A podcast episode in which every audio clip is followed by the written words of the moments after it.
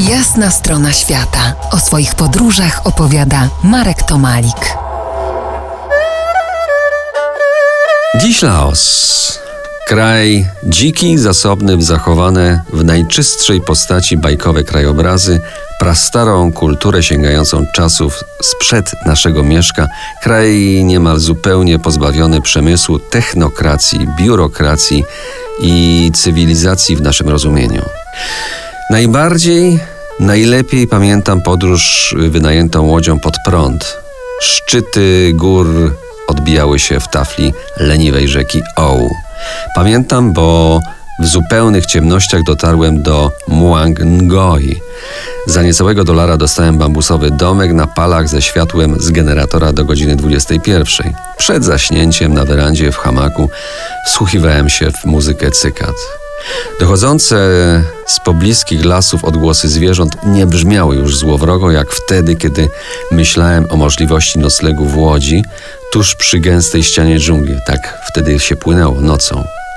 Tak, nocna żegluga i slalom między skałami na rzece zapamiętałem jako coś przykrego, ale miejscowy skipper znał tę drogę na pamięć. Następnego dnia na śniadanie dostałem jajko sadzone z zieleniną pod intrygującą nazwą shake suka. Poprosiłem o tłumaczenie i okazało się, że to pochwała poranka.